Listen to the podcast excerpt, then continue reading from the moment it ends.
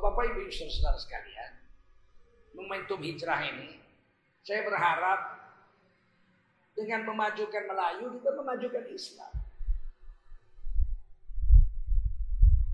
Pakaiannya aja udah jelas orang Melayu itu Islam. Pakaiannya, adatnya, udah jelas Islam. Musiknya, udah jelas Islam. Pantun-pantunnya, udah jelas Islam. Makanannya, mana ada makanan Melayu kari anjing? Ya ada kari anjing. Ada. Hah? Sate babi ada. Kalau udah Melayu udah pasti sudah pasti sebab dunia Melayu itu pasti dunia Saya cari makanan di Melayu ini yang tidak halal, nggak jumpa saya. Tua ada di Melayu. Nah, nira ada, nira ada, tua ada.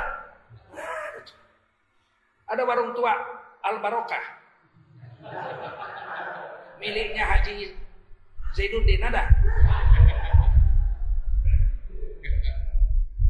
Nah, ini saya tidak bergurau, saya cuma memberi pemahaman aja. Bahwa dunia Melayu itu dunia Islam. Dari segi musiknya, dari segi pakaiannya, nggak ada perempuan Melayu pakai rok pendek, celana pendek, nggak ada. Saya di bagian Siapi-Api, tahun 99 udah pulang saya ke bagian Siapi-Api. Tidak ada wanita di, di daerah Riau ini tahun 60-70 itu pakai celana panjang. Jangankan celana pendek, celana panjang nggak ada. Yang pakai celana panjang itu Cina-Cina jual ikan. Pakai keranjang rotan, ikan. Katanya bagian siapa api? Ece, ece, ece, ece, ikan, senangin lah, senangin lah katanya. Nggak ada orang Melayu pakai celana panjang tahun 70 ke bawah. Mesti pakai sarung, mesti pakai baju kurung. Betul? Betul nggak? Begitu juga di Sumatera Timur, di Aceh, apalagi di Aceh, apalagi Sumatera Barat. Tidak ada perempuan Melayu pakai celana panjang. Apalagi celana pendek. Zaman itu Cina ya, perempuan Cina nggak berani pakai celana pendek. Sekarang hajah. Dua kali nih haji, tiga kali umroh, lari pagi celana pendek. Ke mana bu aja, lari pagi. Tuh, kok pakai celana pendek? Kenapa banyak? Ya, nutup aurat wajib apa enggak? Wajib. Pakai kol-kolah lagi wajib. Tapi kenapa Bu aja pakai celana pendek? Panas. Kita harus kembalikan lagi ke mengembalikan budaya Melayu. Itu sama dengan mengembalikan Islam sebenarnya. Oh, berlebihan tidak. Karena Melayu itu pasti Islam. Dari segi makanan, minuman, nggak ada. Makanan, minuman Melayu yang haram itu nggak ada. Ada? Assalamualaikum warahmatullahi wabarakatuh. Kaum muslimin muslimat di mana pun anda berada. Saya sedang berdiri di depan bangunan masjid Rafiuddin yang sudah selesai pengecoran lantai duanya. Dan insya Allah dalam beberapa hari akan dibongkar dan kita mulai pembangunan interior dan kita akan mulai pengajian kitab kuning di masjid yang kita cintai ini.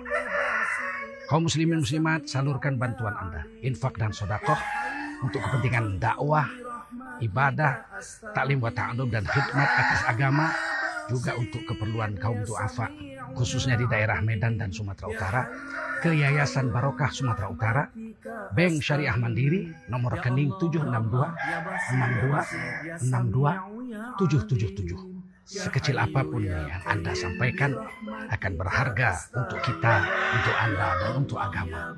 Famay ya'mal mithqala dzarratin khairan yarah. Siapa mengamalkan satu perbuatan baik walau sebesar zarah, Allah melihatnya dan Allah mengajarinya dengan pahala. Terima kasih saya Tengku Zulkarnain, Ketua Yayasan Barokah Sumatera Utara. Wassalamualaikum warahmatullahi wabarakatuh. Ya Allah ya Basir Ya Sami'u ya Ali Assalamualaikum warahmatullahi wabarakatuh. Hamdan wa syukran lillah. Wassalatan wassalaman ala Rasulillah wa ala alihi wa sahbihi wa mawalah. Allahumma salli ala sayyidina Muhammadin wa ala alihi wa sahbihi ajma'in. Amma ba'du qala Allah ta'ala fi kitabihil karim. A'udzu billahi minasy syaithanir rajim. Bismillahirrahmanirrahim. Bismillahirrahmanirrahim. الذين آمنوا وهاجروا وجاهدوا في سبيل الله بأموالهم وأنفسهم وجاهدوا في سبيل الله بأموالهم وأنفسهم أعظم درجة عند الله. وأولئك هم الفائزون. قال رسول الله صلى الله عليه وسلم من خرج في طلب العلم فهو في سبيل الله حتى يرجع Baginda Rasul bersabda siapa keluar untuk mendapatkan ilmu? Orang itu adalah orang yang berjihad fisabilillah sampai dia kembali ke tempatnya Mudah-mudahan kita semua mendapatkan pahala jihad dari Allah. Amin. Sadaqallahul azim. Wa sadaqa rasuluhun nabiyul karim. Wa nahnu ala dhalika minasy syahidin wa syakirin. Walhamdulillahi rabbil alamin. Ketua Umum Dunia Melayu Dunia Islam Provinsi Riau yang dimuliakan Allah SWT dan seluruh jajaran Oh Bapak Ibu hadirin wa hadirat yang dimuliakan Allah SWT Wajiblah kita bersyukur pada Allah SWT Salawat dan salam kita sampaikan untuk baginda Rasulullah Sallallahu Alaihi Wasallam. Bicara tentang Melayu tidak mungkin dipisahkan dengan Islam. Karena Melayu itu pasti Islam. Kalau tidak Islam, tidak Melayu. Maka ada pantun di Sumatera Utara Bukan kapak sebarang kapak, kapak betuah pembelah kayu. Bukan batak sebarang batak, batak sudah jadi Melayu. Di di dunia Melayu ini, di khususnya di Riau juga, orang dulu kalau masuk Islam bukan disebut masuk Islam. Dulu kalau orang kafir masuk Islam disebut masuk Melayu. Tidak disebut masuk Islam. Masuk Melayu. Di Riau ini dua aja suku cuma. Melayu, Melayu atau tidak Melayu. Tidak ada suku lain. Hanya satu suku Melayu atau bukan Melayu. Itu. Makanya di bagian CPAP kalau ada orang Cina masuk Islam disebut masuk Melayu. Si Aseng, oh, udah masuk Melayu dia maksudnya sudah jadi orang Islam. Bukan masuk jadi orang Islam, tapi masuk Melayu. Melayu itu Islam. Dan bangsa Melayu ini itu adalah bangsa terbesar di dunia salah satu. Orang Melayu di dunia ini lebih dari 400 juta orang. Jadi bukan Melayu Riau saja, bukan. Bukan Melayu Delhi saja, bukan. Melayu ini seluruh negeri Nusantara ini disebut Melayu. Orang Jawa, eh, orang Mekah disebut menyebutnya Al-Jawi. Orang Inggris menyebutnya Malay. Malay. Melanesia. Austronesia. Kita ini orang Melayu. Dan Melayu ini terbagi dua, Proto Melayu dengan Neutro Melayu. Proto Melayu, Melayu tua. Orang Batak, orang Tengger, orang Filipina Tagalog. Itu Melayu tua, Proto Melayu. Yang kedua adalah yang disebut Neutro Melayu, Melayu muda. Jadi yang pertama datang ke negeri Nusantara pinggir-pinggir laut duduknya itu dulu namanya Proto Melayu. Seribu tahun kemudian datang lagi pendatang baru yaitu tahun satu Masehi 2000-an tahun yang lalu. Mereka menguasai wilayah-wilayah pinggir laut yang duluan di pinggir laut itu naik ke atas gunung-gunung. Yang lebih dulu datang seribu tahun sebelumnya itu disebut Proto Melayu. Tinggal di pegunungan-pegunungan dan yang wilayah-wilayah laut, daratan pinggir laut dikuasai oleh Neutro Melayu. Bahasanya pun mirip-mirip. Bahasanya Austronesia. Ternyata perkembangan Melayu itu dari mulai seluruh negara Indonesia sampai Maluku Halmahera, dari Aceh sampai Halmahera, ditambah seluruh semenanjung Melaya, ditambah Kalimantan Utara sampai ke Brunei, sampai ke Filipina, sampai ke Kamboja, Campa itu juga orang Melayu, sampai ke Madagaskar, Afrika juga orang Melayu, bahasanya Melayu dan sampai ke Taiwan. Taiwan itu penduduk aslinya Taiwan. Sekarang kan sudah dijajah Cina Taiwan. Penduduk asli Taiwan itu itu orang Melayu. Pernah tertangkap nelayan Taiwan di Belawan. Dibawa ke kantor kejaksaan. Ternyata mengerti bahasa Indonesia. Jadi suruh hitung yang menangkapnya waktu itu kasih intel Kejaksaan Negeri Medan Bapak Yudi Saprin orang Riau. Pernah jadi ketua Kejaksaan Tinggi Riau. Pak Dokter Saprin tinggalnya jalan di Penegoro itu. Lewat sedikit rumah gubernur sebelah kiri yang rumahnya agak ke dalam halamannya lebar. Beliau bersuruh hitung, coba kamu hitung 1 sampai 10. 1, 2, 3, 4, 5, 6, itu 8, 9, 10. Nah, ini suku Taiwan. Ini suku Taiwan itu suku Melayu. Kemudian dijajah oleh Cina. Jadi sekarang sudah mayoritas penduduk Taiwan itu orang Cina Han. Dan sebetulnya mereka itu aslinya orang Ada lebih 400 juta itu kalau Indonesia aja 267 juta.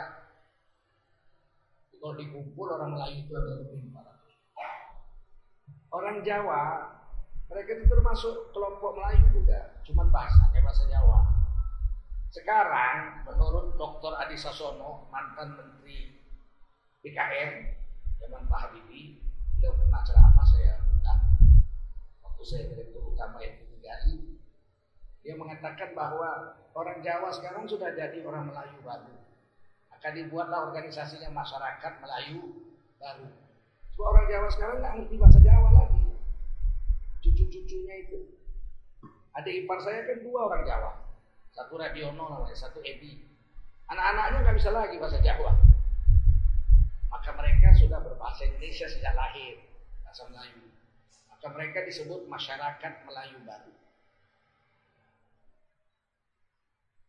Oleh karena itu, ini yang perlu dicatat bahwa dunia Melayu, dunia Islam itu pertama masyarakatnya Melayu itu pasti Islam.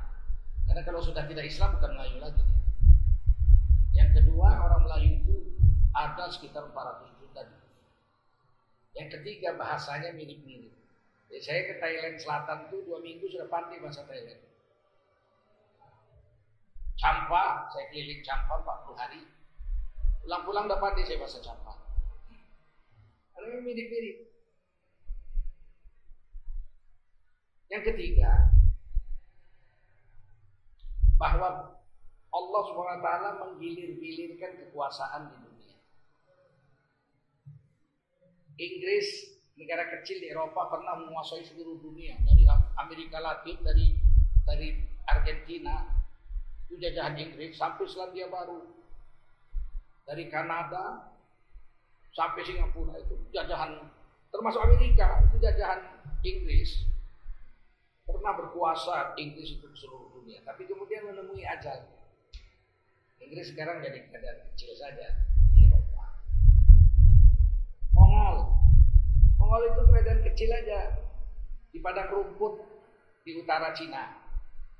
Tapi kemudian di bawah pimpinan Genghis Khan, Mongol menguasai dua per tiga dunia dan menghancurkan Baghdad. Padahal Baghdad itu waktu itu dinasti Abbasiyah itu dinasti terkuat di dunia. Hancur lebur dihancurkan oleh Mongol. Jadi Mongol kerajaan kecil bisa menguasai dua tiga dunia dan kemudian sekarang jadi kerajaan kecil aja lagi. Jadi negara kecil aja Mongol. Hampir-hampir nggak kenal pun kita Mongol. Kemudian Mesopotamia, Iskandar Zulkarnain, Irak. Dulu Iskandar Zulkarnain itu menguasai dua per tiga dunia dari Eropa sampai India umur 32 tahun Raja Iskandar Soekarno itu sudah menguasai dan ditulis kisahnya sebagian di surah Al-Kahfi. Yas'alunaka 'an dzil qarnain. Mereka bertanya kepada Muhammad Nabi Muhammad tentang siapa Zulkarnain itu. Dia orang soleh yang menguasai dua Sekarang kita lihat di Irak, negara kecil hancur korban perang, dihancurkan Amerika. Jadi setiap bangsa sudah pernah memimpin dunia. Jepang pernah memimpin seluruh Asia Tenggara dan Asia Timur. Tapi sekarang Jepang tinggal 110 juta saja rakyat. Tidak begitu berpengaruh. Jerman pernah menguasai seluruh Eropa, kemudian sekarang kecil saja Jerman. Kata Allah walikulli ummatin ajal. Setiap kaum, setiap umat pernah berjaya dan akan menemui ajalnya. Idza jaa ajaluhum la yastakhiruna sa'an wa la. Kalau ajalnya datang tidak bisa diundurkan sedetik, tidak bisa dipercepat. Sesaat nggak bisa dipercepat, sesaat nggak bisa dilambat. Hanya tinggal dua bangsa yang belum memimpin dunia. Satu bangsa Cina belum memimpin dunia. Dan Cina itu meskipun sekarang penduduknya 1,3 miliar, itu sepanjang sejarah perjalanan hidup bangsa itu mereka dijajah terus-terusan. Pernah dijajah Mongol di zaman Kublai Khan. Pernah dijajah Manchu, Manchu itu Korea. Korea pernah menjajah Cina. Jepang pernah menjajah Cina. Inggris pernah menjajah Cina. Sekarang Cina merdeka dan kayaknya ini ini, ini kayaknya Cina mulai mau menjajah dunia. Artinya mulai bangkitlah Cina ini. Secara ekonomi sudah mulai hampir mengalahkan Amerika. Mungkin Cina akan memimpin dunia sekitar 50 atau 70 atau mungkin tidak sampai selama itu. Tapi setelah Cina ada satu bangsa lagi yang belum memimpin dunia, yaitu bangsa Melayu. Belum pernah memimpin dunia. Nah, kalau Cina hancur, menemui ajalnya setelah memimpin dunia, saya pikir yang akan muncul setelah Cina adalah Melayu. Dan itu pernah diramalkan oleh Rasulullah SAW. Satu hari Sayyidina Huzaifah radhiyallahu bertanya kepada Akankah Islam berjaya ya Rasul? Rasul menjawab, "Nami ya." Berapa tahun? 700 tahun. 700 tahun Islam memimpin Kemudian akankah Islam mengalami kehancuran? Kata Rasulullah, iya. Islam akan hancur 700 tahun. Di mana-mana Islam akan dijajah seluruh dunia. Kemudian akankah kebangkitan Islam datang lagi? Iya kata Nabi. Setelah 700 tahun dijajah maka Islam akan bangkit kembali kali keduanya dan memimpin dunia kali kedua. Ini sekarang ini, ini 1442 ini berarti ini abad mulai bangkit Islam. Masih ada 700 tahun lagi berjalan ini, ke depan. Lu sudah begini hebatnya Islam sekarang. Ini baru aja, baru aja. Abad ke-15 ini baru aja. Baru berjalan 42 tahun. Dan Islam sudah sehebat ini. Dan semua orang sudah takut dengan Islam. Di mana-mana Islam itu dibilang teroris, radikal, mesti dihancurkan, dihempang, di, termasuk Indonesia. Jejak khilafah aja dihapus dari medsos asat atas perintah rezim Jokowi. Ada ditulis di situ. Video jejak khilafah ini dihapus atas keberatan pemerintah negeri ini. Nah, tulis itu. Saya saya catch, sudah saya foto. Cuman mau cerita jejak khilafah Islam di Indonesia saja dilarang. Zaman Pak Harto kisah khilafah ini dipelajari di tarikh sejarah di sekolah-sekolah dan dipelajari dalam fikih. Fikih khilafah itu ada. Zaman sekarang fikihnya dicabut, nggak boleh belajar fikih khilafah, diganti ke tarikh. Dibikin filmnya sebagai tarikh, sebagai sejarah, dihapus kontennya di medsos. Boleh keterlaluan sekali. Kenapa? Memang takut bangkitnya Islam. Sebab Rasulullah juga sudah ramal. Yahudi juga sudah tahu. Tapi tidak bisa dihapuskan itu. Itu ketetapan Allah. Dihempang kayak mana pun orang tambah maju juga. Islam difitnah mengepung menara kembar di New York.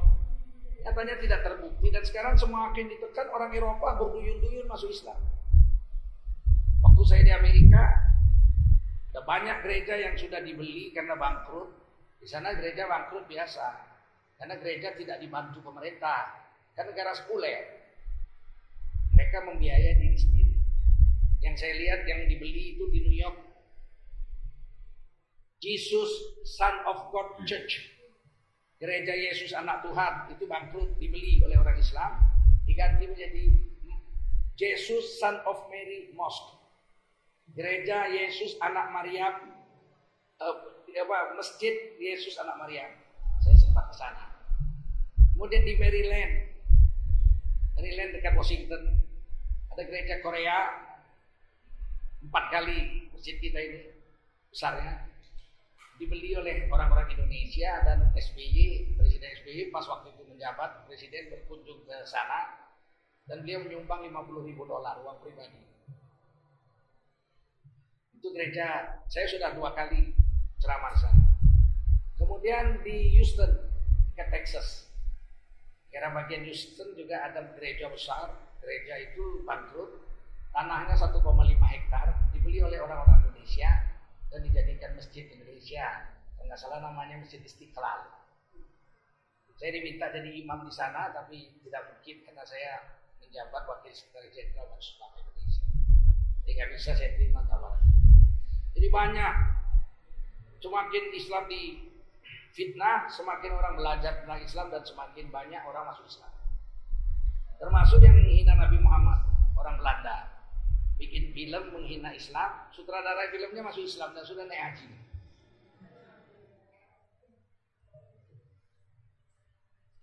Bapak-bapak saudara, kebangkitan Islam itu keniscayaan. Terutama kebangkitan kali kedua ini. Di manakah bangkitnya? Kata Nabi bukan di Timur Tengah.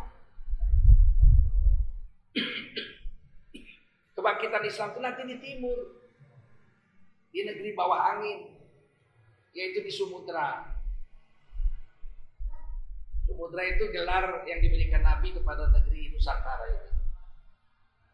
Dan karena itulah kerajaan Islam pertama di Nusantara ini namanya Kerajaan Samudra. Berdiri pada tahun 1260. Rajanya namanya Merah Sidu, orang Melayu lah jelas. Merah Sidu.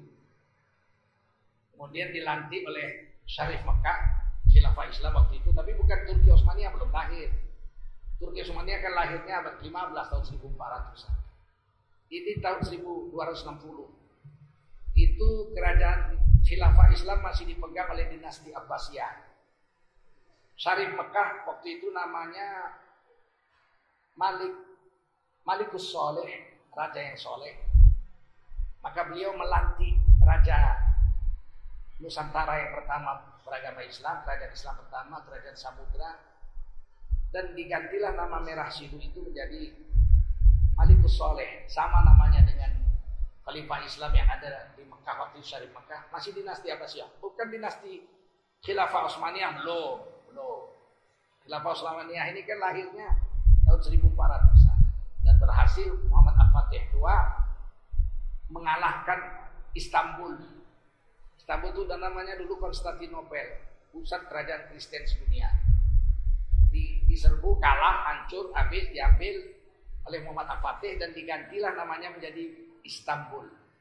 Dan gereja Hagia Sophia itu akhirnya sekarang barusan dalam bulan ini diresmikan menjadi masjid kembali setelah 80 tahun ditutup oleh Mustafa Kamal Atatürk ini Presiden Turki, Perdana Menteri Turki yang membubarkan khilafah Islam terakhir tahun 1924. Kemudian beliau mengganti masjid Sophia itu menjadi museum.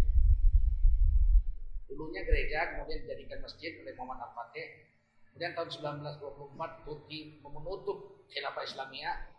Mustafa Kemal Atatürk menjadikan masjid Hagia Sophia itu menjadi museum. Saya sudah beberapa kali di sana. Dan sekarang oleh Erdogan dijadikan masjid kembali. Sudah sholat Jumat kemarin. Jadi kebangkitan Islam itu di sini, di sini, di Indonesia. Saya melihat gerakan itu kelihatan nyata. Zaman saya masih kecil, penghafal Quran itu di Sumatera Utara cuma tiga orang. Guru saya, Syekh Azra Abdurrauf Yang kedua Syekh Khailid Daulay guru saya juga. Satu lagi guru saya Syekh Bahru Ahmad. Tiga. Tapi sekarang barangkali lebih 2000 penghafal Quran yang ada di Sumatera Utara. Anak saya menghafal Quran, istri saya menghafal Quran. Menantu saya dua-duanya penghafal Quran. Nah, jadi di pesantren saya ada ada 100 orang siswanya yang menghafal Quran. Yang dulu itu hampir dibilang tidak ada. Dulu Imam Syafi'i hafal Quran umur 7 tahun, 30 juz. Saya pikir hanya Imam Syafi'i yang mampu menghafal Quran usia 7 tahun. Ternyata baru-baru ini di Bangka Belitung seorang anak Melayu namanya Musa berhasil menghafal Quran 30 juz usia 7 tahun. Dan cucu murid saya di Medan, Hasan Basri berhasil menghafal Quran selama sebanyak 30 juz lebih sedikit dari 7 tahun. Baru-baru ini di Musabaqah Tilawatul Quran tingkat dunia, anak usia 4 tahun hafal Quran 30 juz. Jadi ini nampak mulai bangkitnya Islam. Dan bangkit itu di dunia Melayu. Maka ketika ada organisasi dunia Melayu, dunia Islam, nggak salah itu memang pas. Memang mestilah kebangkitan Islam kali kedua abad ke-15 ini dimulai dari orang Melayu. Saya orang Melayu bapak saya. Ibu saya orang Rokan Hilir. Dokter Tabrani itu paman saya. Sejak kecil saya dididik dengan lidah Melayu. Apa kelebihan orang Melayu lidahnya? Kalau dia berbahasa Belanda mirip orang Belanda. Kalau orang Melayu berbahasa Inggris mirip orang Inggris. Kalau orang Melayu berbahasa Arab persis orang Arab. Makanya juara-juara musabaqah watil Quran tingkat dunia itu orang-orang kita. Bukan orang-orang Arab. Orang-orang kita, orang-orang Indonesia, orang-orang Melayu. Hanya saja pelajaran sejarah hari ini dipelintir seolah-olah Melayu itu hanya orang Riau sama orang Sumatera Timur. Padahal Melayu itu seluruh Nusantara sampai dari Aceh sampai Halmahera itu Melayu. Bahasanya kan sama. Kebudayaannya juga tarinya sama, tari Japen semua. Walaupun namanya beda-beda, di Maluku namanya dana-dana, di wilayah Sumatera namanya zapin. Tapi sama, musiknya sama. Pang, pak, pak, pak, teng, tak, tak, tung, tak, tak, tak, tak, tung, tak. Itu seluruh Sumatera, seluruh negeri Nusantara ini punya negeri. tarian dan musik yang timpunya seperti itu. Meskipun namanya beda-beda, tapi sama. Kalau di sini namanya Zapin. Lagu yang terkenal Lancang Kuning. Temponya begitu. Lancang kuning, pak tak tak dum tak tak. Seluruh Indonesia itu ada lagu yang seperti itu. Itu juga tempo joget. Tung tak tak tekecing tekecang cing teketak teng itu sampai ke India Selatan ada. Sampai ke Spanyol. Ada tempo-tempo seperti itu. Sayangkan belum ada generasi muda Islam yang mau meneliti ini menjadi tesis doktor atau master. Saya kan sudah tua, nggak nanti doktor lagi saya. Dan sebenarnya bagus ini diteliti kembali, ditulis sebagai satu riwayat. Saudara-saudara yang mulia, ketika Belanda datang kemari dan menjajah negeri Nusantara, itu di Indonesia sudah ada 200-an kerajaan Islam. Yang paling tua Samudra 1260. Kemudian muncul di Aceh Timur Pasai. Samudra itu di Aceh Tengah, eh, di Aceh Utara ya. Lok Semawi. Kemudian di Aceh Timur di Perlak muncul satu kerajaan namanya Pasai. Karena persaingan-persaingan akhirnya Samudra dengan Pasai dikawinkan anaknya. Dikawinkan menjadilah kerajaan itu menjadi kerajaan Samudra Pasai. Jadi satu. Dan itu ditulis dalam bukunya Ibnu Batutoh, Rihlah Batutoh, orang Maroko yang keliling dunia. Beliau sampai ke kerajaan Samudra, ketemu dengan Raja Samudra Pasai waktu itu Samudra namanya Malikus Zohir, bermadhab Imam Syafi'i. Ditulis di situ, bermadhab Imam Syafi'i. Kemudian beliau naik apa pergi ke masjid sholat Jumat jalan kaki dan pulang sholat Jumat naik gajah. Rehlah Batuta menuliskan itu. Kemudian Cheng Ho datang lagi ke, ke Indonesia. Ini Laksamana Cheng Ho orang Islam dari Cina, dari kerajaan Ming.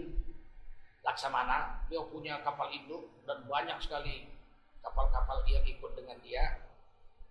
Sempat singgah juga ke Aceh dan memberikan hadiah sebuah lonceng besar namanya Cakradonya pada Sultan Aceh dan sampai sekarang masih disimpan itu eh, lonceng itu. Artinya Aceh sudah menjadi kerajaan Islam. Ada berapa kerajaan Islam di Aceh? Ini perlu diungkap sebelum ditulis lengkap. Kerajaan Aceh itu yang Islam Samudra, kemudian kerajaan Pasai, kemudian kerajaan Batu Raja, kemudian kerajaan Sugehiu, kemudian kerajaan Seruai, kemudian kerajaan di Takengon ya, kerajaan Lingga. Kerajaan Lingganya ada tiga namanya Lingga. Di Aceh Tengah satu, Takengon, di Karo satu, kerajaan Lingga, dan di Riau Kepulauan. Di Riau Kepulauan aja juga kerajaan Lingga. Dan ini semua kerajaan Melayu, Islam. Ya. Kecuali yang di Karo. Kemudian di Sumatera Timur, Sumatera Timur ada 17 kerajaan Melayu. Ya, kalau kita lihat dari mulai Tamiang, kalau Tamiang dimasukkan Melayu itu baru Raja, Seruai, Sungayu, Langkat, Deli, Serdang, Tebing Tinggi, Indrapura, Pedagi, Batubara ini udah 10. Tanjung Bali 11. Kualo 12.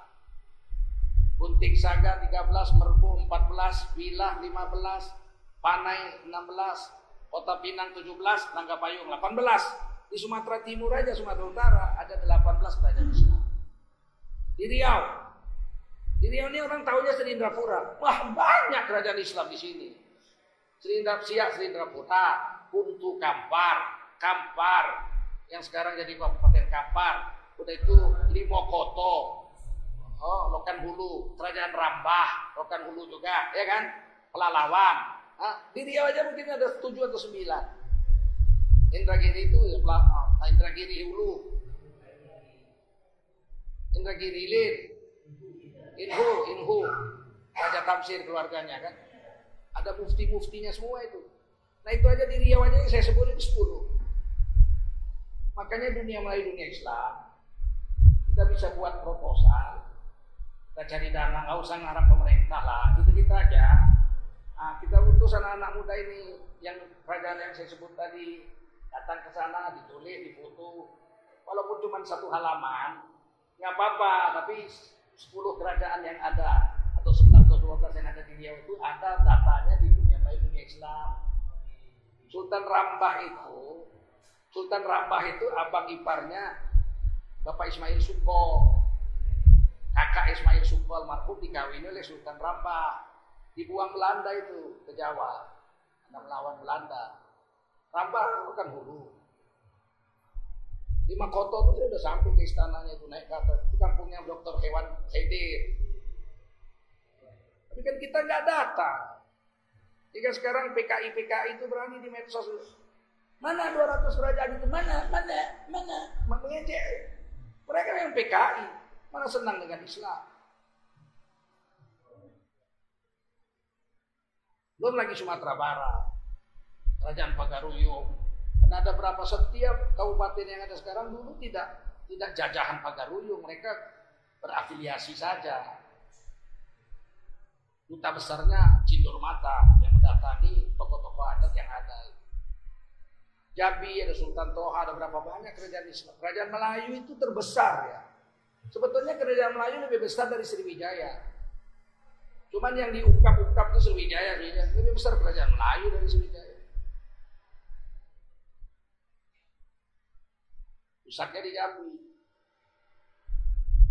Kemudian Palembang, itu kerajaan Islam juga. Sultan Badarudin II melawan Belanda.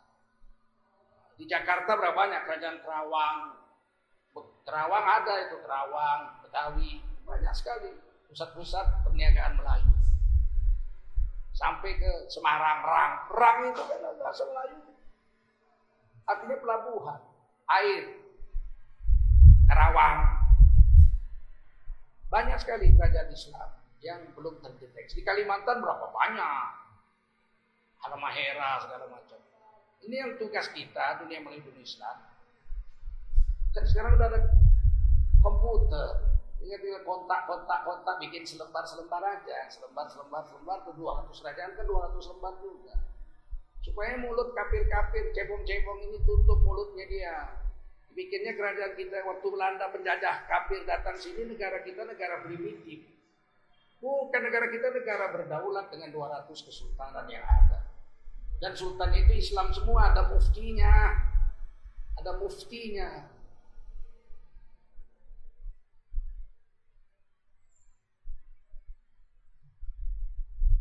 Ini yang sekarang mau dihapuskan.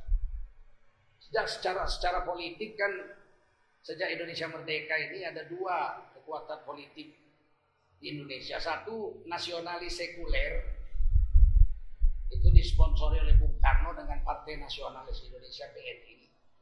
Dan nasionalis agamis religius yang disponsori oleh kiai-kiai termasuk Kiai Hashim Ash'ari pendiri NU. Yang sekarang mau dibilang tidak ada itu tidak ada. Jangan merasa ya pidato Pak Presiden jangan merasa paling agamis, Jangan merasa paling Pancasila itu menyindir kita. Padahal dari dulu itu memang udah ada dua. Sejak merdeka. BPUPKI itu 42 orang anggotanya itu yang 40-an orang. Itu terdiri dari tokoh nasionalis sekuler dan tokoh nasionalis religius agama. PKI nggak ada. 42 orang itu nggak ada satu pun utusan PKI. PKI nggak mau. Tahun 48 PKI mem, mem, mem, memproklamasikan Republik Rusia Raya. Muso, itulah yang ditumpas. Karena mereka nggak mau Republik Indonesia itu nggak mau. Tiga, tiga minggu setelah Indonesia merdeka, 7 Agustus 45 merdeka, 7 sampai 9 September, itu umat Islam buat kongres. Kongres umat Islam pertama 7 sampai 9 September 1945 di Yogyakarta ketuanya Yai Hashim Ash'ari, pendiri NU, di situlah dicetuskan bahwa Indonesia hanya memiliki satu partai politik Islam saja yaitu Majelis Syuro Muslimin Indonesia Masumi. Satu saja. Itu Kongres Islam pertama. Nggak boleh ada partai lain yang Islam. Tetapi karena negara bangkrut, baru merdeka duit nggak ada, Bung Karno baru bisa menggelar pemilu tahun 1955 pemilu pertama. Pemilu pertama 1955. Menjelang pemilu pertama 1955, Bung Karno naik haji. Entah apa lobby Bung Karno dengan tokoh-tokoh NU, pulang dari sana, dari haji, NU keluar dari Masumi dan membuat partai politik NU. Partai NU, Nadatul Ulama. Keluar dari Masumi yang dibentuk oleh Kiai Haji Masari sendiri. Akhirnya pemenang pemilu empat partai. Pertama, PNI, Bung Karno Nasionalis Sekuler. 58 kursi konstituante MPR. Kedua, Masumi, pimpinan Muhammad Nasir, 58 kursi konstituante sama dengan PDI, sama, PNI sama dengan Masumi. Ketiga partai NU 30 kursi dan yang keempat adalah partai PKI, pimpinan Aidit 28 kursi. Jadi NU dengan PKI itu hanya selisih dua kursi. Dari situ sudah kelihatan ada dua sebetulnya kekuatan yaitu nasionalis sekuler yang nggak mau agama dibawa dalam negara, itu Bung Karno dan kawan-kawannya. Dan satu lagi mau negara ini bentuknya tetap nasionalis NKRI tapi bawa agama, namanya nasionalis religius, itu Masumi dan kawan-kawan. Tapi kemudian Bung Karno membubarkan Masumi tahun 1960. Bung Karno membubarkan Masumi.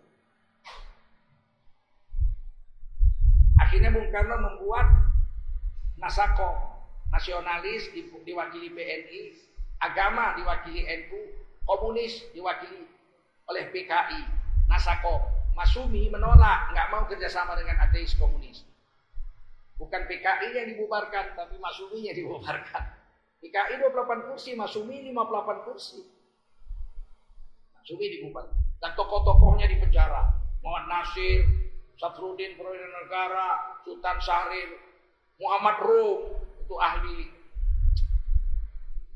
negosiasi kita itu perjanjian Media Bundar, perjanjian Renville itu semuanya pembicaranya Muhammad Rum. 4 tahun 4 bulan di penjara. Buya Hamka, Muhammad Saad, Sekjen Masumi, di Medan Arsad Talib Lubis. Ini tokoh-tokoh Masumi di penjara semua tanpa diadili di pengadilan. Ya, tangkap aja penjara aja. Buya Hamka sampai minum kencing di penjara karena nggak dikasih minum. Dan PKI memegang peran pada waktu kemerdekaan nggak ikut PKI. Bahkan memberontak tahun 48, tiga tahun setelah Indonesia merdeka. Ketika kita baru mau perang lawan Belanda, agresi pertama Belanda mau masuk, kita ditikam oleh PKI tahun 1948. Tapi Bung Karno tidak membubarkan PKI. Nah, 1960 Masumi bubar, tinggal nasionalisnya PNI, agamanya NU, komunisnya PKI, dan tokoh-tokoh yang tidak mau masuk Nasakom ditangkap, dipersekusi seperti sekarang lebih parah pun di penjara dan sebagainya. Tahun 65 PKI memberontak. Karno menolak membubarkan PKI. Nggak mau. Padahal udah jelas-jelas memberontak. Kemudian Oktober 1966 Pak Harto membubarkan PKI dan diperkuat oleh ketetapan MPRS nomor 25 tahun 1966 PKI jadi partai terlarang sampai sekarang. Nah setelah itu kekuatan yang memegang politik Indonesia ini dua, nasionalis sekuler dengan nasionalis religius agamis. Ketika zaman Pak Harto, partai pertama itu tahun 71 masih 10. 10 partai. Tapi kemudian difusi tahun 73 digabung jadi tiga partai. P3 yang Islam-Islam, nasionalis religius. Jadi ada Parmusi, oh, ada uh, eh, NU, pokoknya Islam-Islam digabung jadi P3. Lambangnya Ka'bah. Itu usul daripada Syekh Khalil Bisri. Lambangnya Ka'bah. Udah itu Sekber Golkar tambangnya pohon ini nasionalis itu sekuler udah jelas baru PDI Partai Demokrasi Indonesia lambangnya kepala banteng gepeng. Itu sekuler. Terusan dari Bung Karno kan nasionalis tapi sekuler. Sekuler itu apa sih? Memisahkan agama dari negara. Dan bawa-bawa agama dalam negara. Kalau kita agama harus dibawa dalam negara. Sebab Pancasila itu ketuhanan yang maha Dasar negara kita agama.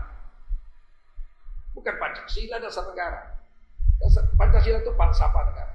Dasar negara kita lihat pasal 29 ayat 1. Negara berdasar ketuhanan yang maha negara berdasar ketuhanan yang maha jadi dasar negara kita ketuhanan yang maha esa. Bagaimana mau memisahkan agama?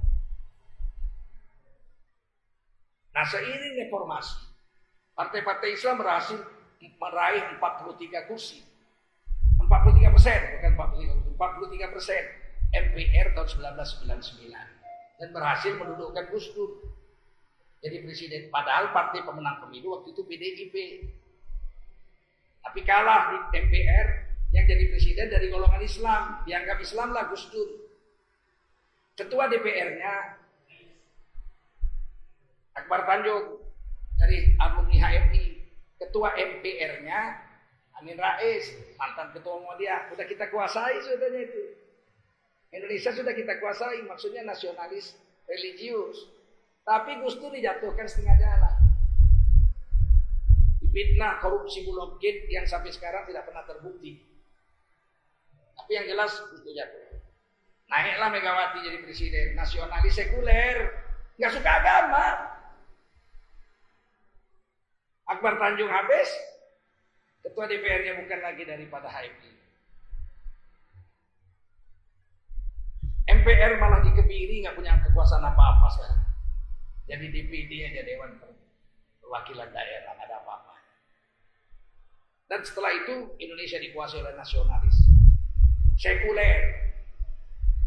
Sekaranglah puncaknya dengan keluarnya rancangan undang-undang BPIP yang dulu namanya HIP haluan ideologi Pancasila.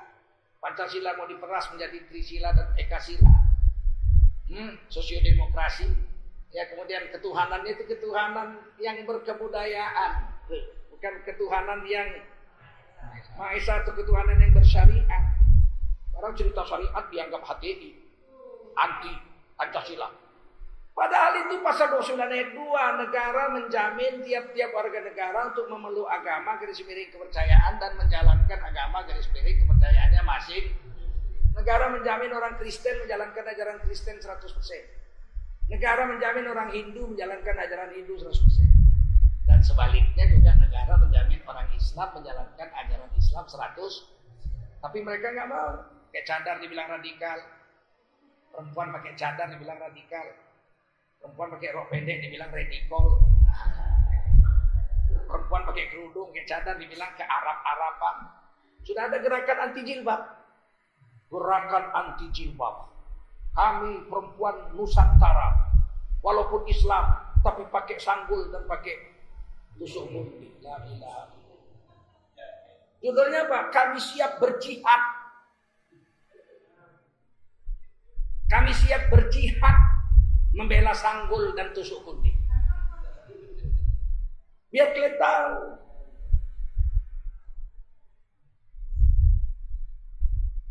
Serban jubah dibilang apa? Kadrun, kadal burung. Padahal seluruh ormas Islam sebelum kemerdekaan mulai Jamiatul Khair, Syarikat Dagang Islam, Muhammadiyah, Matlaul Anwar, Persis 1923, NU 1926, Al-Wasliyah 1926 di Sumatera Utara, Persatuan Tarbiyah Islamiyah Perti di Sumatera Barat, PUSA, Persatuan Ulama Seluruh Aceh 1934, Nahdlatul Waton, Al-Irsyad, semuanya pendiri-pendirinya pakai serba-serban. Semuanya termasuk Muhammadiyah, NU, semuanya serba-serban. Setelah merdeka, serban-serban dibilang ke Arab-Araban, Hizbut Tahrir, oh, radikal. Ada ini memang disengaja dan dibayar itu buzzer-buzzernya. Baru tahu saya katanya 90 miliar duit bayarannya. Sedangkan dana riset COVID-19 saja cuma 5 miliar. Jadi buzzer maki-maki kita itu 90 miliar duitnya. Sedang diminta diusut oleh ICW, Indonesian Corruption Watch. Minta diusut, tapi nggak akan diusut. Percaya nggak akan diusut. Siapa tadi musuh? Harun Masiku aja tak tertangkap. Apalagi itu.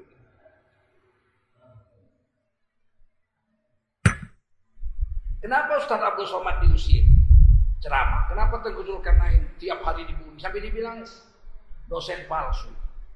Mana ada dosen palsu? Ada Ustaz Pekanbaru percaya pula ternyata Tengku Zulkarnain dosen palsu. Ustadz pun hatinya membunuh juga.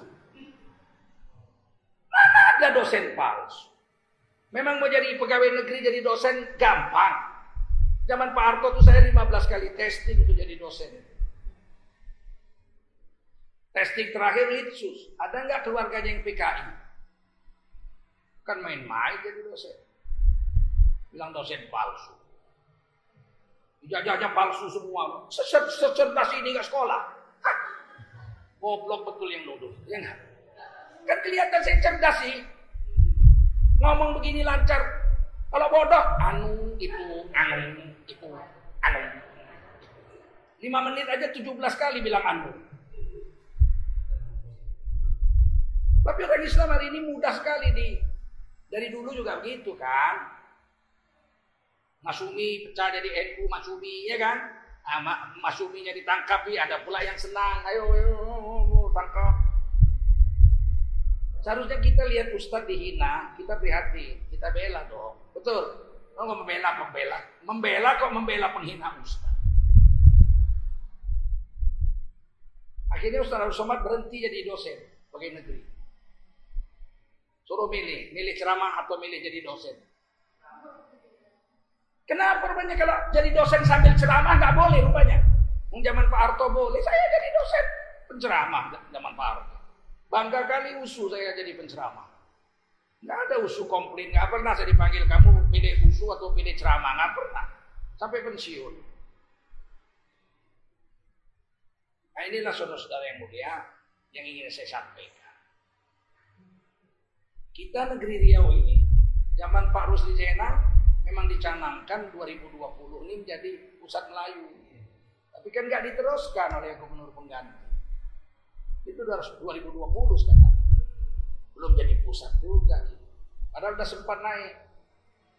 Saya lihat ada festival musik-musik Melayu dan sudah saya kan pemusik dari kecil. Kecil saya dilatih main musik sama bapak saya. Tahun 1988 saya ikut rumah tablik, saya berhenti main musik. Tapi kemampuan musik saya belum diragukan. Oh, boleh tes. Walaupun nggak pernah pegang musik saya sejak 88, belum hilang lah. Belum. Lagu karangan saya 80. Sebelum saya jadi rumah tablik, saya mengarang lagu 80 lagu. Pop, Melayu, jazz, keroncong, macam-macam. Nah, ketika saya lihat zaman Pak Rusli Zainal itu, itu musik-musik Melayu di Sumatera di Riau ini sudah memimpin tingkat nasional. Aransemen-aransemen musiknya, tarian-tarian Melayunya itu sudah sempat lebih unggul dari Sumatera Timur, dari Sumatera Utara. Yang kemudian sekarang hilang. Saya pikir untuk membangkitkan itu tidaklah perlu banyak uang.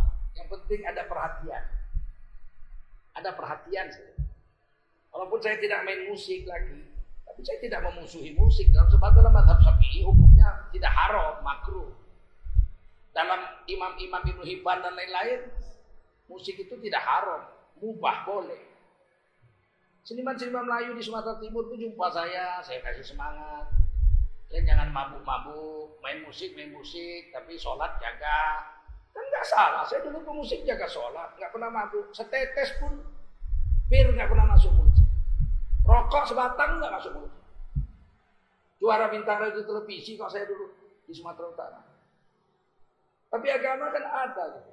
Ah ini yang saya sesalkan kalau kemudian visi 2020 Islam uh, pusat Melayu itu adalah Riau itu hilang, sayang sekali.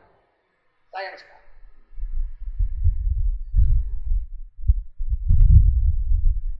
Bapak-bapak ibu saudara sekalian, momentum hijrah ini, saya berharap dengan memajukan Melayu kita memajukan Islam.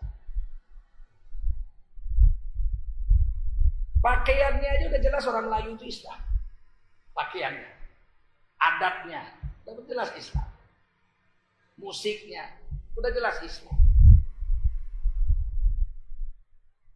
Pantun-pantunnya, udah jelas Islam makanannya. Mana ada makanan Melayu kari anjing? Ya ada kari anjing. Ada. Hah? Sate babi ada. Kalau udah Melayu udah pasti. Sudah pasti. Sebab dunia Melayu itu pasti dunia Saya cari makanan di Melayu ini yang tidak halal. Nggak jumpa saya. Tua ada di Melayu. Nah, nira ada. Nira ada. Tua ada. Ada warung tua Al Barokah. Miliknya Haji Zainuddin ada. Nah, ini saya tidak bergurau, saya cuma memberi pemahaman aja.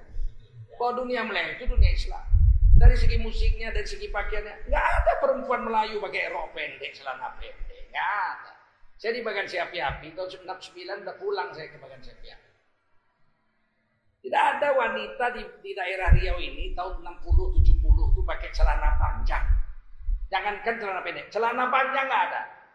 Yang pakai celana panjang itu Cina-Cina jual ikan. Pakai keranjang rotan, ikan.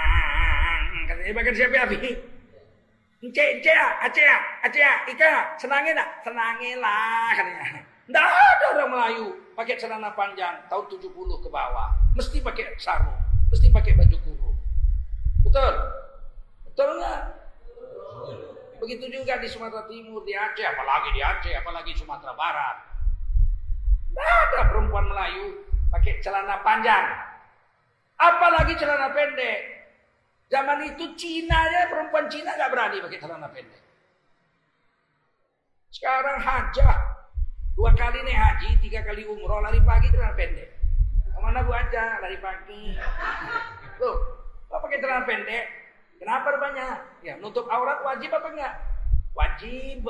Pakai kol-kolah lagi wajib. Tapi kenapa bu aja pakai celana pendek? Panas.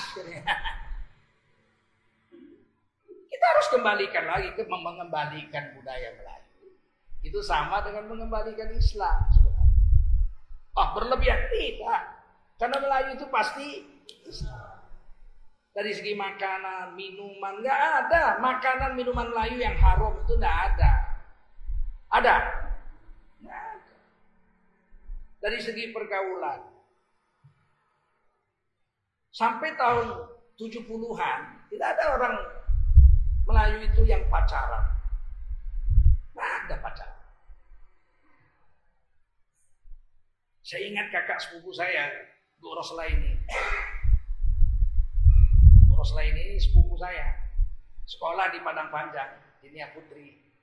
Apa Ismail Suko dijodohkan lah untuk kawin dengan Kak Rosla ini. ini. Di Bang Ismail Suko datanglah jumpa Rosla ini. Kak Rosla ini tinggal sama abangnya kalau liburan. Natar, Natar. Natar itu bapaknya wakil gubernur sekarang, Edi Natar. Natar itu abangnya Ismail apa abangnya Rasul inilah abang iparnya Pak apa Bang Ismail Suko bertemu pertama apa kata Bang Ismail Suko berdebar-debar. Berdebar-debar. Berdebar-debar. Nggak pernah pacaran. Jumpa di rumah abangnya berdebar-debar. Kemudian dilamar nikah. Tidak ada pacaran. Dan ternyata di tanah Melayu Betawi pun tidak ada pacaran yang pacaran itu penjajah Belanda, tuan dan nyonya Belanda. Tidak ada orang Melayu, Betawi Melayu ya, pakaiannya pun turut Belanda Melayu. Betawi. Nyanyinya asam kana. Wahai asam kana, nyanyian anak darah manja, ini lagu Melayu lama untuk menghibur kita semua. Itu lagu Melayu, joget asam kana dari Betawi, jali-jali, itu kan lagu Melayu. Ini dia si jali jali. Lagu Melayu. Dan lagu Melayu yang asli itu kan sudah Melayu pop ya. Melayu asli itu seluruh Indonesia sama. Walaupun namanya beda-beda.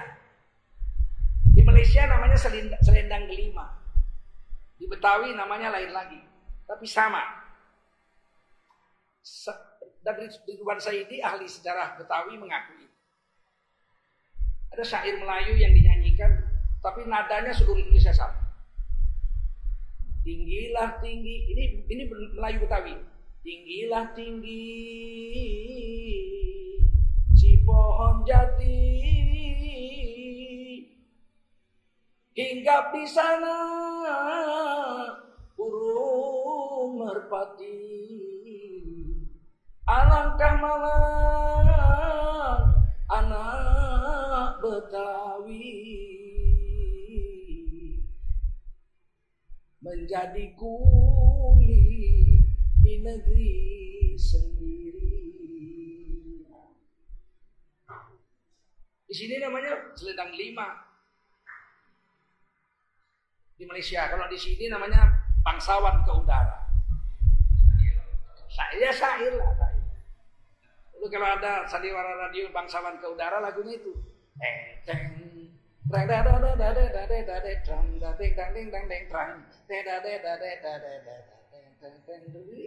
Ya kan? Onon katanya Nayan rajanya Sama seluruh Indonesia itu Tidak kenal kita pacaran-pacaran Nah Benyamin S Seorang seniman Betawi Waktu Bung Karno berkuasa, Bung Karno nggak mau ada musik nggak ngekno, musik gaya Barat, gaya Beatles, nggak suka. Makanya bintang radio televisi dibuat oleh Bung Karno waktu itu belum ada televisi bintang radio, itu lagu hiburan, Lendang Sutra, kemudian lagu keroncong, kemudian lagu Melayu, kemudian lagu seriosa. Nggak ada lagu pop, nggak ada, nggak ada hiburan. Pop nggak ada. Pus mengarang lagu-lagu gaya Beatles. Nggak boleh di Jakarta rekaman. Rekaman ke Malaysia, ke Kuala Lumpur. Top lagunya. Terkenal. Pulang di penjara karena Bung Karno. Pus-pus masuk penjara. Karena lagu-lagu barang nggak suka Bung Karno. Ya karang lagu di sana rumahku dalam kabut biru ke Jakarta aku kan kembali walaupun apa yang akan terjadi, tangkap dia masuk penjara. Soekarno nggak mau. Nah, akhirnya Benyamin S mengarang lagu Gambang Kromong, lagu Melayu, Betawi. Tapi gayanya gaya pop, dibikin iramanya supaya di, supaya diizinkan Bung Karno. Nah lagu itu terkenal di seluruh ASEAN. Nama judul lagunya nonton bioskop. Itu menyindir kebudayaan pacaran yang sudah mulai tumbuh di kalangan elit-elit elit-elit Indonesia yang sekolah Belanda. Mulai pacaran-pacaran gaya Belanda. Di, di sini. Malam minggu aneh pergi ke bioskop. Bergandengan ame pacar nonton koboi. Sepatu apa? Beli tahu-tahu kehabisan dasar sial terpaksa beli catutan dulu beli karcis kalau habis diborong sama calo jadi kalau mau nonton beli sama calo harganya tiga kali lipat. Empat kali lipat harga namanya calo dulu bioskop tuh penuh antri orang. Akhirnya nonton pakai karcis empat kali lipat lebih mahal beli sama cadu. Aduh emak asiknya nonton dua-duaan kayak nyonye dan tuan tuh. Yang pacaran tuh nyonye dan tuan Belanda. Di gedongan. Yang punya rumah gedong cuma Belanda. Kita rumah dari bambu.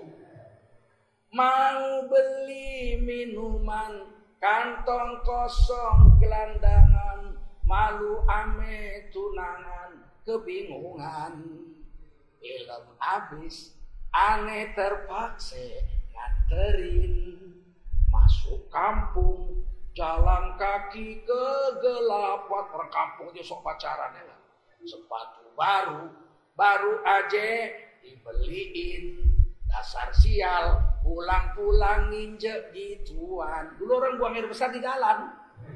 Nggak ada WC. Jadi yang pacaran itu tahun 60-70an itu, itu nona-nona Belanda. Ada orang Melayu berpacaran. Kakek saya itu kenal sama nenek saya itu di pelaminan. Bagaimana bisa kawin? Diintip dari pohon.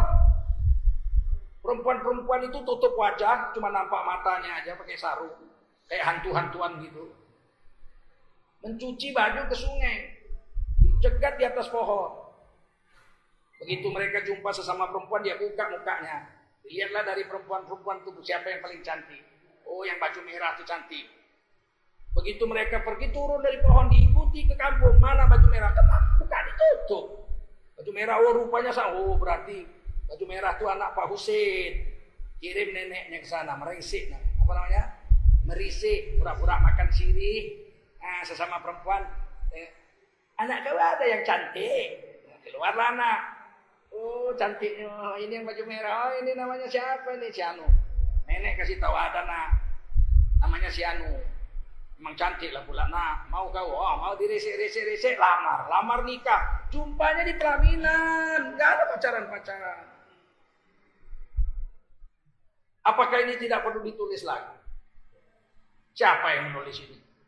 Lihatlah anak-anak muda ini dari dunia Melayu, dunia Islam ini. Jangan pernah berpikir Melayu bukan Islam, jangan. Anda akan tersesat berpikir. Kalau berpikir Melayu pasti berpikir tentang Jangan coba-coba menghilangkan.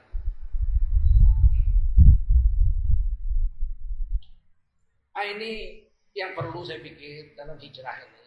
Saya tidak cerita agama, karena ini khusus Melayu, saya cerita Melayu. Sebagai anak Melayu, itu saya merasa ini salah satu tanggung jawab saya juga. Dan saya kan sibuk dengan dakwah. Nah, saya serahkanlah kepada Pak Ketua Dunia Melayu Dunia Islam untuk membentuk tim. Nggak perlu biaya mahal lah. Kalau cuma mencatat 10-12 kerajaan yang ada di sini, apa ya? Ah, jalan aja. Ah, kita jalan aja, tulis selembar-selembar aja lah ya. Panglima-panglimanya itu, Panglima Laksamana Laut Jadi Laut, itu saya jumpa orang yang pernah jumpa beliau. Itu lidahnya berbulu itu. Laksamana Laut itu lidahnya berbulu. Perlu ditulis kuburannya ada dan saya pernah ziarah sana harum. Kuburannya itu harum. Berarti syahid ini orang bela agama. Perang lawan penjajah Belanda kok. Batu nisannya itu tiang kapal Belanda yang ditenggelamkannya itu dijadikannya batu nisan. Tenggelamkannya kapal Belanda perang lawan dia. Adi selaminya diambilnya yang layarnya itu dibilangnya ini untuk batu nisan kalau saya mati. Jadi batu nisan Laksamana Raja di laut di Bengkalis, Sungai Pandeng itu. Itu batu nisannya tiang layar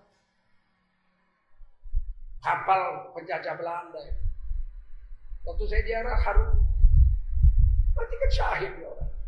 Siapa pula memberi minyak wangi ke kuburan beliau? Ini yang perlu kita tulis ulang. Kita bukan bangsa primitif ketika penjajah-penjajah kafir datang. Dan penjajah Indonesia ini kafir semua. Belanda, Portugis, Spanyol, Jepang, Inggris. Ya kan? Kok sekarang yang dibenci Arab? Yang jajah kafir yang dibenci Arab. Yang korupsi rata-rata keturunan suku ibu saya Cina. Tahu-tahu yang dibenci Arab. Habib Rizik dibenci, kiai-kiai dibenci. Gimana cara berpikir hari ini? Siapa memperbaiki? Atau kita biarkan aja ini rusak sampai hari kiamat? Atau kita perbaiki ini? Bagaimana memperbaiki? Tulis buku. Kemudian kita buat dialog-dialog. Pakai video begini. Panggil saya, panggil tokoh-tokoh adat yang lain, bicara. Saya kan sudah tokoh juga, jangan kata kunci. Mana orang nggak tahu dipikir orang saya cuma penceramah. Saya ini pemusik, sastrawan, pelukis. Saya juga ahli sejarah juga, kalau untuk Melayu lah ya. Banyak berjalan lah saya. Nah terakhir saya ingin kasih tahu bahwa di seminar baru-baru ini Maulid Nabi kemarin saya ceramah di Aceh Tengah, Takemon. Ternyata dapat situs digali, ada kuburan batu nisan batu tertulis la ilaha illallah sudah 4000 tahun. Siapa pula membawa la ilaha illallah ke Aceh, ke Takengon, kerajaan Lingga 4000 tahun. Nabi Muhammad aja lah baru 1400-an tahun. Memang di situlah ilaha illallah saja tidak ada Muhammadun Rasulullah. Bupatinya nanya saya bingung dia kenapa ini nisan cuma la ilaha illallah nggak ada Muhammadun Rasulullah. Saya bilang Nabi Muhammad belum lahir. Siapa yang bawa? Kemungkinan anak Nabi Ibrahim. Soal Nabi Ibrahim itu istrinya empat. Ah, itulah gunanya diskusi-diskusi begini di Nabi Ibrahim itu menurut Qasasul Abiya Imam Ibnu Kasir istrinya empat. Istri pertama Siti Saroh, nggak punya anak sampai menepose. Kemudian istri kedua Siti Hajar, orang Kipti Mesir, kulitnya agak hitam, punya anak Nabi Ismail. 14 tahun setelah Nabi Ismail lahir, Siti Sarah hamil. Ditulis di Quran kisahnya lahir anaknya Ishak, Nabi Ishak alaihissalam. Kemudian Nabi Ibrahim kawin lagi yang ketiga dengan seorang wanita namanya Kontura. Anaknya lima, anaknya enam atau tujuh. Anak pertamanya tinggal di Jordania, namanya Madian, menghasilkan suku Madian. Madian ini nabinya di Quran disebut Nabi Shu'aib, mertuanya Nabi Musa, penipu timbangan. Nah, adik-adiknya Madian pulang ke negeri ibunya. Di mana? India. India itu bukan India nehi-nehi itu. India itu sini, ini, ini, ini. Ini negeri disebut India. Waktu dijajah Belanda disebut India Belanda. Samudranya juga ini disebut samudra Indian Ocean. Ini negeri India dulu zaman Rasulullah disebut India ini. Nah ternyata Kamboja itu dulu namanya negara Campa. Itu wilayah negaranya itu Vietnam sekarang yang sempit itu. Vietnam. Di situ ada sebuah pelabuhan namanya Kontura. Kemungkinan Kontura itu orang Campa. Dari dari Kontura itulah. Kemudian kerajaan Kamboja ini, Campa ini diserbu Cina. Hancur kerajaan ini turun ke bawah, orang Campanya turun ke bawah ke Kamboja sekarang. Sepertiga Kamboja itu suku Campa 100% Islam. Sebagian pergi ke Sumatera oleh Raja Aceh dikasih tanah namanya Jempa. Di Aceh ada Jempa. Dan bahasanya dengan bahasa Campa sama, persis. Kemudian kalau bapak-bapak ke Vietnam boleh juga lah dunia mana dunia Islam pergi ke Vietnam lewat COVID ini nanti. Lihat museumnya. Itu nama raja-raja Vietnam sebelum dijajah Cina.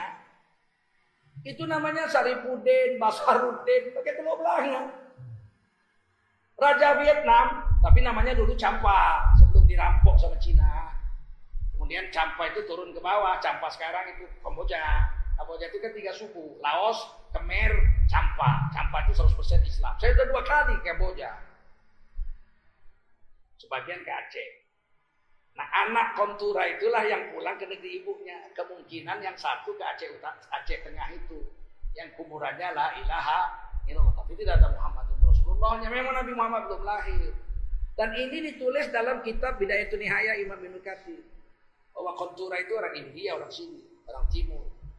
Dan anaknya cuma Madian saja yang tinggal di Jordan, Timur Tengah. Selebihnya pulang ke negeri ibunya. Oleh karena itulah Sumatera ini mengenal agama Tauhid ribuan tahun sebelum Rasulullah lahir. Sebab dibawa oleh anak-anak Nabi Ibrahim. Dan dalam sejarah Queen of Sheba, Ratu Sabah, itu ketika masuk Islam kawin sama Nabi Sulaiman, Nabi Sulaiman wafat, dia dikejar-kejar kaumnya. Maka dia melarikan diri ke negeri ini. Karena Nabi Sulaiman mengambil emas dari wilayah Opir itu 400 peti emas. Opir itu dekat Pesaman situ, Pesaman. Jadi Nabi Sulaiman 1000 2000 tahun yang lalu sudah mengambil emas 400 peti dari Pasaman situ Opir, pegunungan Opir. Ini kan pulau ini disebut pulau Suwarna Dwipa. Suwarna Dwipa itu artinya pulau emas. Suwarna itu emas. Dwipa itu pulau Jawa Dwipa, pulau padi. Jawa itu pulau padi, Sumatera ini Suwarna Dwipa, pulau eh,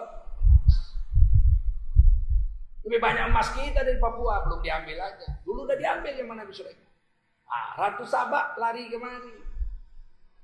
Itulah yang mendirikan candi-candi yang ada di sini. Makanya candi di Sumatera dibilang candi muda marah sekali. Pembohong besar kalian. Candi Muara Takus itu tadi tauhid. Bentuknya la ilaha illallah ini. Cobalah pergi ke candi Muara Takus, cari ada sepotong patung Buddha di situ. Ada? Ada? Nggak ada kok berani bilang candi Muara Takus itu candi Buddha. Kalau Borobudur ya banyak patung-patung Budanya. Muara Takus tidak ada satu potong candi itu patung Buddha. Ini pembohongan sejarah. Dibilang katanya tulisannya Sanskerta. Pergi saya di situ.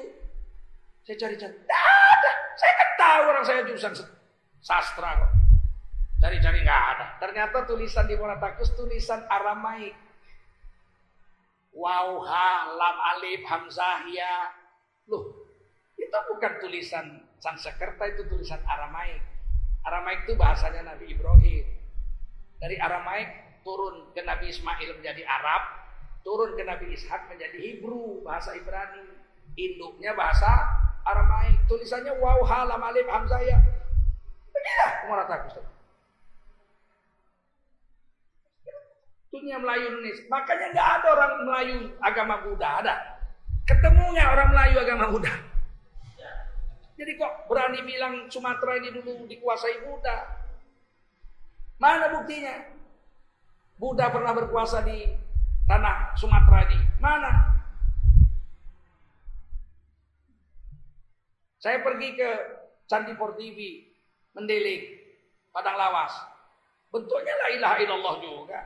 Sepotong itu jadi Buddha nggak ada situ. Kok dibilang mara, apa Candi Portivi itu candi Buddha. Saya pergi ke Muara Jambi. Ada beberapa candi di sepotong pun nggak ada patung Buddha. Kok dibilang candi Buddha? Ah, ini tugas dunia Melayu dunia Islam. Apa bisa bekerja sama dengan Universitas Sumatera Utara? Kan sana ada jurusan sejarah. Ah, mudah-mudahan lah sampai sini aja ceramah ini. Mudah-mudahan adalah hal-hal yang menarik ya enggak? Kalau saya cerita agama udah biasa tiap hari saya cerita agama. Hari ini saya cerita Melayu dan agama. Tentunya agama Islam. Jangan murtad sampai mati hai anak-anak Melayu. Nah inilah agama kita sejak zaman anak Nabi Ibrahim alaihi salam dari istri ketiga Kontura. Istri keempatnya namanya Hajun binti Amin. Jadi Nabi Ibrahim itu istrinya empat. Yang kita kenal berapa? Dua. Harusnya berapa? Empat. Dan yang ketiga itu kontura kemungkinan memang orang sini. Orang negeri Nusantara ini. Maka tidak heran kalau Sumat Nusantara ini 90% Islam. Singapura itu kan kerajaan Islam dulu, namanya Temasek. Dirampok Cina sekarang. Gara-gara pemilu, Lee Kuan Yew waktu pemilu pakai peci, pakai telur belanga. Dicoblos sama orang Melayu, habis Melayu di azan aja nggak boleh pakai mic di Singapura sekarang. Kayak mikrofon nggak boleh. Padahal itu jelas kerajaan Melayu. Namanya Temasek. Filipina sebelum Spanyol menjajah sana. Mereka itu kerajaan Islam namanya kerajaan Sulu. Kota ibu kotanya Fi Amanillah. Fi Amanillah. Nggak bisa mulut pemakan babi bilang Fi Amanillah. Manila katanya. Fi amanillah itu. Kerajaannya namanya Su, Sulu. Dan ketika perang melawan penjajahan Spanyol, banyak sekali pejuang-pejuang Jawa yang pergi ke sana ikut perang. Ada komiknya dulu namanya Mat Pelor. Waktu saya kecil-kecil Mat Pelor itu pejuang Jawa yang ikut perang membantu kerajaan Sulu melawan penjajahan Spanyol. Kemudian dipaksalah menjadi negara Kristen. Begitu juga di Amerika Latin ada zombie. Zombie, zombie itu bukan hantu. Zombie itu pahlawan Islam melawan penjajahan Spanyol. Malam-malam bergerial bergeliannya. Pagi-pagi udah mati penjajah-penjajah Spanyol maka disebut zombie, serangan zombie. Zombie itu pahlawan Islam. Di Brasilia satu-satunya negara Amerika Latin yang berbahasa Portugis. Tidak berbahasa Spanyol. Meksiko, Lima, Peru, semua kan bahasa Spanyol. Venezuela, semua bahasa Spanyol. Kenapa? Brasilia bahasa Portugis. Karena mereka melawan Spanyol berperang. Budak-budak Afrika yang diculik dijadikan pekerja-pekerja perkebunan di Amerika Latin itu banyak orang Islam. Salah satunya adalah zombie yang melawan penjajahan Spanyol. Ini perlu diungkap ulang. Sama dengan Patimura. Patimura itu bukan Matu, Thomas Matulesi. Ternyata namanya Ahmad Lusi. Patimura. Pejuang Melayu itu. Karena di negeri Ambon itu ada satu kampung namanya Kampung Patimura. Mayoritas Islam di situ. Jadi orang Belanda ditulisnya ya Thomas Matulesi. Padahal sebetulnya namanya Ahmad Lusi. Ah inilah saya pikir perlunya pertemuan ini dan perlunya dibentuk dunia Muslim Islam. Saya siap dengan kawan-kawan dari Fakultas Sastra USU untuk membantu diadakannya dialog-dialog. Sekarang kan nggak mahal pakai Zoom aja kok. Kami di Medan, Bapak di sini, nah pakai Zoom. Nggak mahal lah. Semua kita punya laptop, Ustaz punya laptop juga ya kan. Cara kita buat satu tema, kita bicarakan, kita tulis, kita sebarkan di YouTube. Bicara-bicara tentang dunia Melayu dunia Islam. Mudah-mudahan kita jadi negeri yang baldatun thayyibatun wa Ya Allah ya Basir Ya Sami'u ya Alim Ya Hayyu ya Qayyum Birahmatika astaghith